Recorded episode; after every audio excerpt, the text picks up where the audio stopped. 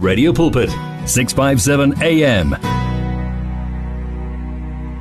Asihleleni siphephile bazalwane. So lokho nje silishumayela leli vangeli ukuthi em siwasheni izandla sisanitize siqhokeni nje ama mask i social distancing nayo isabalekile kulesi sikhathi esikusona. Em 15 before or oh, 16 before 3 o'clock. Kwamanje ke siyalapha eh, ku CCTD Monkwe OCD Dumela.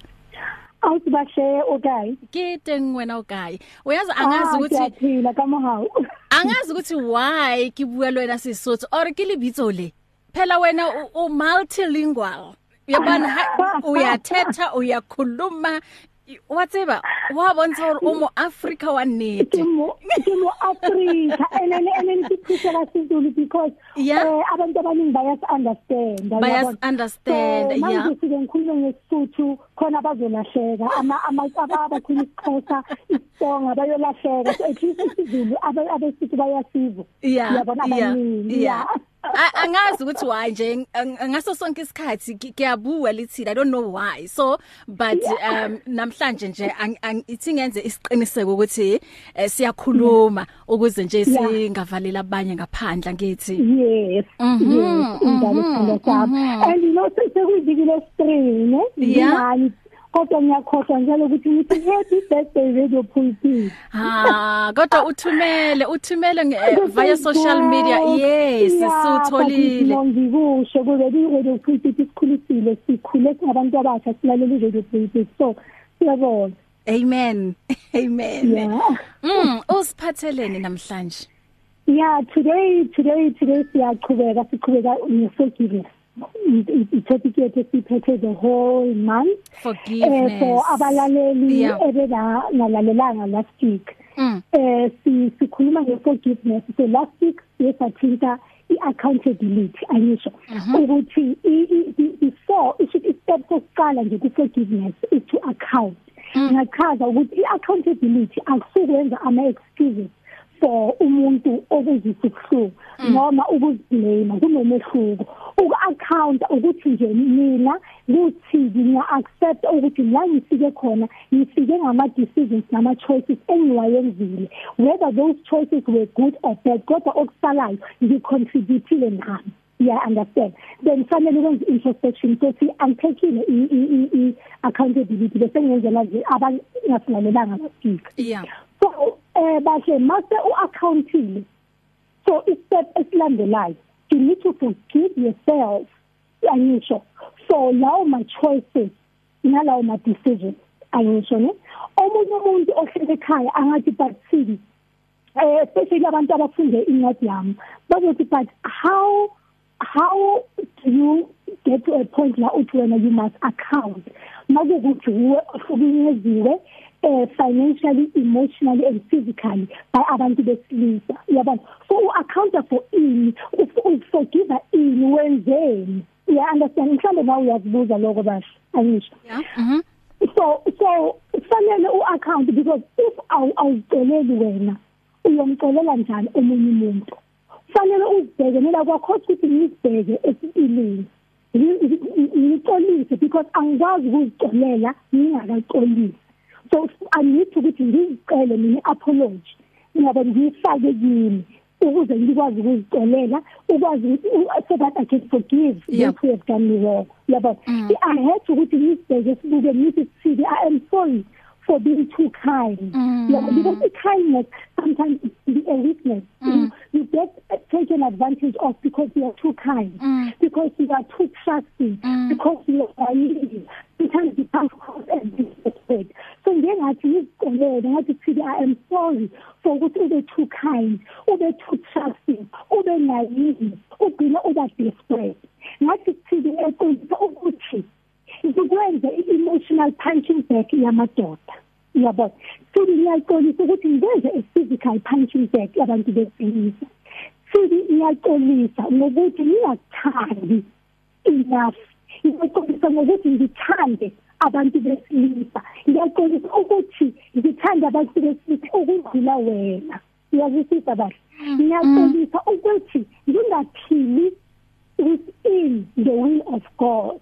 Ngoba uNkulunkulu uthi mina njengomuntu wesifazane Mm. my role is to submit not to love yeah. Uthi my role is not to provide. That is a man's role. Mina okwazi ukuba i helper Yeah. Mhm. so i was not living within the will of god because mina ngashintsha ama roles i took on a role of being a provider in my marriage angisho and then in my second relationship ngathanda when i was supposed to be mina ngisubmit yena angithandi yabo so i had to forgive myself for lezo zinto lezo ngoba umuntu wesilisa mawuthatha irole yakhe uba yiprovider ubruza his ego. Mawumthanda uthi ayenzeni? Yena ke kuba yini irole yakhe? Ma uprovider irole yakhe sekuba yini? Bese siyamangala umuntu makahamba agijimisa laba abafuna ukuthandwa abafuna ukunakekelwa sure. Then bese uyazibuza ukuthi why umuntu aphuma ku-because ahamba yehlala kuzozo Yo. nomunye umuntu. It's because kuleya zozo bayakwazi ukumfonela bathi babakasibani bani eshoda impuphu eze nempuphu. Wena uza nempuphu. U- u- u- uyangithola. Laphaya kuleya zozo bayalinda ukuthi bathandwe mm. So uyafika la ukuthi nomuntu wesilisa amen ego yakhe ayikho bruised akana low self esteem mm. Because bayam enabla ukuthi abe yilento uNkulunkulu athi abe yiyo. Wow. So i needed to forgive myself. I needed to ukuthi ngithi sibi. Ngiyaxolisa ukuthi uhlale la ubongasafuneki khona. Mm. uyabona i-relationship seyivithe i-expiry date kodwa wena uthi angiyi ndawo ngoba sine-history. Because i- sino sinomntwana because abantu bazothini? Mm sithi i am sorry for ukuthi ngibeke abanye abantu before wena. Sure. Uyabona mm sithi i am sorry for ukuthi ngingacabangeli.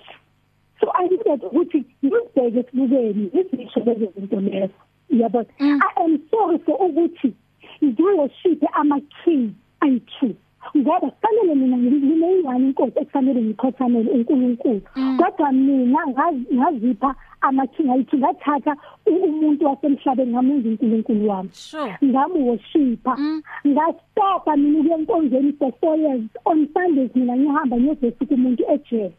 Uyokuthi i needed to forgive myself for lokho. Uyayibona? So ngathi thibi sorry for all those things. Yes akufanelanga umuntu angihlukumeze. Akunamuntu onezayide ukuthi angihlukumeze emoyeni physically financially no. Kodwa ubaphile i-permission. Yeah. so Sidi, I am sorry for giving those people permission to Mm, hurt you. mm, I am sorry for enabling the behavior. Uyazwisisa? Mm. Sidi, I am sorry for lowering your standards. mm Uyabona? Sidi, I am sorry for confronting the women ebebachithela nabo because when I was stratmate. Uyabona?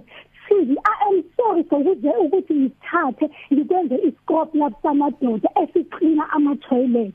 I am sorry. U- u- uya understand ukuthi injani the reason why kuba nzima ukuthi siforgive abantu abasenze izinto ezibuhlungu. Is because we know ukuthi kufanele iqale kithi si-account sizicelele uyabona? So we would rather not forgive. It's easier to blame others than look at yourself in the mirror. Uthi mina nami ngicontributile uzicolele. Uya understand? Yeah. So that is why sithi i-forgiveness inzima i-forgiveness iba nzima ngoba asifuni ukuthi thina sibe yipart yaleyo process si-acknowledge i-part ethina sidlalile uyabona? Okay. Sekuforgivile ke. Fanele manje ubuyele kuNkulunkulu uthi baba yeah. ngizicolele. Ngicela nawe ungicolele for A B C D and E. Ngicolele for ukuthi ngikuflathele yabo ngicolele for ukuthi ngakuphi isikhathi sami esifanele ngikunike sona. Ngicolele for ukuthi i-relationship yami nawe ngingayinesi Yeah. yabo ngicolele for ukuthi wena kungabi wo othatha indawo empilweni yami. Yabo ngicolele baba for konke engikwenzile angisho. Mm.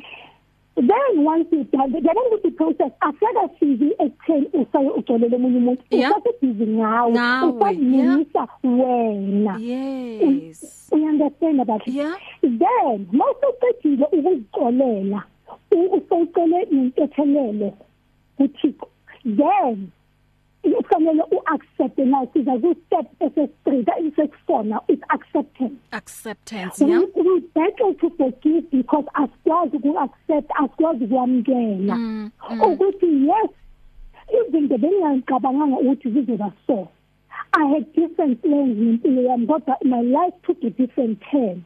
You need to accept uwamkele ukuthi yes ngisikile lana ithi ngamkele yabona? Ukwamkela doesn't mean ukuthi you are weak. Ukwamkela it means that you are being true to yourself. Yabo ukwamkela mina head ukuthi ngamkele ukuthi mina ekukhuleni kwami ngibe ngisele ukuthi kahle njengoba ngiqede isikole kahle ngafunda ngasebenza umsebenzi oright. Base sokhona khona. Ngilalela. Mhm okay. ngiyothola umnyoshata nomyeni wami. Sibe nabantwana kube mnandi siphile into impilo emnandi. Angithande anginakekele siyakhumuzi. Eh sibuze iempire siphilele nje kamnandi I never anticipated ukuthi ngelinye ilanga mina ngizobe ngizibala ku statistics abantu abadivorce yabo I never thought ukuthi mina ngelinye ilanga ngizobe nginabantwana abayi-two with different fathers. Mm. You understand mm. i didn't know ukuthi mina i would have to ukuthi mhlambe ngisonele baba baba abantwana ukuthi hey umntwana ushoda ngani? Mm. mina i thought ukuthi ngiphilela kamnandi mhlambe kuyi sunday so ngiyapheka ngisendlini ukudlala umusic omnandi ubaba udlala ibhola mhlambe nomntana wakhe mina i'm watching through the window. Yabo that is the type of life emina bengiyisisa Yeah. but akwenzekanga ngaleyo ndlela. So i should not be hard on myself. Kufanele ngamukele ukuthi yes akubanga njalo kodwa it's not the end of me. You understand? Amen. i need to accept ukuthi izinto zinje and what was will never be. And then i need to accept ukuthi uNkulunkulu usangithanda nangalama decisions nama choices Mm. amabi engayenzi and he's given me a second chance. Nami i deserve to give myself a second chance. Yeah. why not? Mm. uyazisisa because we give people many chances but we don't give ourselves. Yo. Chance nje yethu give Sidi. yourself a Mm. second chance. Mm. Uyazisisa yeah. So yeah namhlanje ngivala lapho ngithi give yourself a second chance.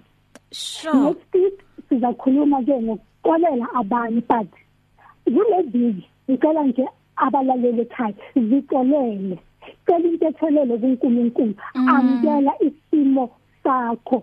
Yes i'm not saying ukuthi well kuso makuthi uyastruggle financially awunami umsebenzi awuthola umsebenzi ibhizinisi yakho ayihambi kahle awusiright nje empilweni. Angithi mina hlala lapho wamukela ukuthi uyophelela lapho. No ngithi amukela ukuthi izinto azihambanga the way.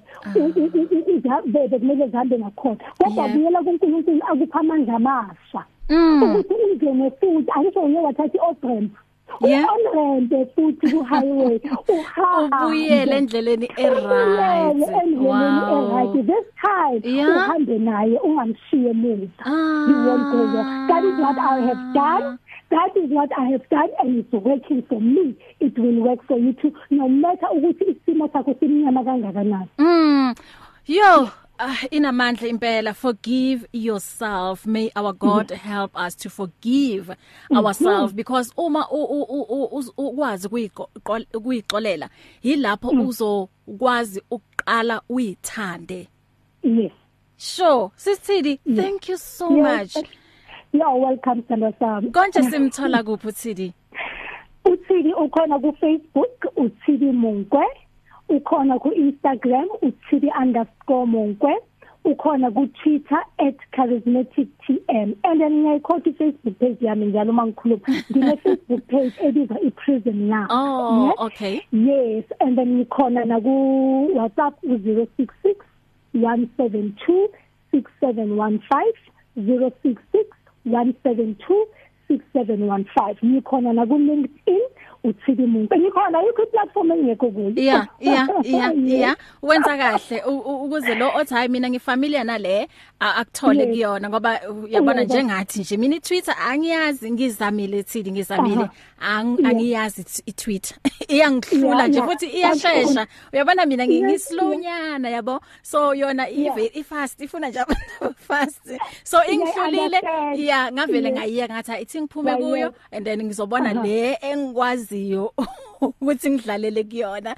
Akufanelanga uyiyeke kufanele ukuthi everywhere ongekho ku Facebook akuthole ku Twitter ongekho ku Twitter ne Facebook akuthole ku Instagram so kufanele ube khona. Hayi sengizoza sengizoza kuwena ke for ama lesson no problem sama bless you. Asihlangane futhi next week angithi Thank you so much. We love you, we love you, we love you, we love Thank you. Thank you. I love you more. Ngiyabathanda nabonke abalaleli base bebe pulpit. Thank you so much. Amen. Sure. Thank you. Bye bye. What a what a word esithola la kusesithili forgive yourself. Ngibuke la ukuthi isikhathi ngisese no a, a minute and then eh uh, kube khona la angazi kwenzakaleni ngeWhatsApp yami kunama message abe angangeni kodwa ke manje kwatholile so ithi ngimsebenzise lo 1 minute and then ngizwe la ukuthi abalaleli imapi amazwi ababe nawo we encouragement angiqale la ke ku mam Puleng oh ugogo umam noxolo lo besidlala ingoma zakhe. Uthi ngingugogo ona 60 how gogo kanti uyakwazi ku WhatsApp uyakwazi ukudlala u WhatsApp Okay angiye lapha ke kumampule ngisiza ukuthi ke ubethini If you need prayer please send your request to prayer@radiopulpit.co.za or WhatsApp 0674297564 or go to Radio Pulpit website on www.radiopulpit.co.za. Do you want to grow your business sales? Do you know that you can advertise on Radio Pulpit, Radio Pulpit website, the Word for Today magazine, and the Word for You Today magazine at the ridiculously low prices? Yes, you can indeed. Radio Pulpit, your daily companion, offers you the platform to grow your businesses at the best affordable prices. Simply contact me, Godfrey Moabi, on godfrey at radiopulpit.co.za or call me on 012 334 1265 and I'll tell you how. Remember, I've made it my business to grow your business. You and 657 AM and life, a winning team on the road to eternity.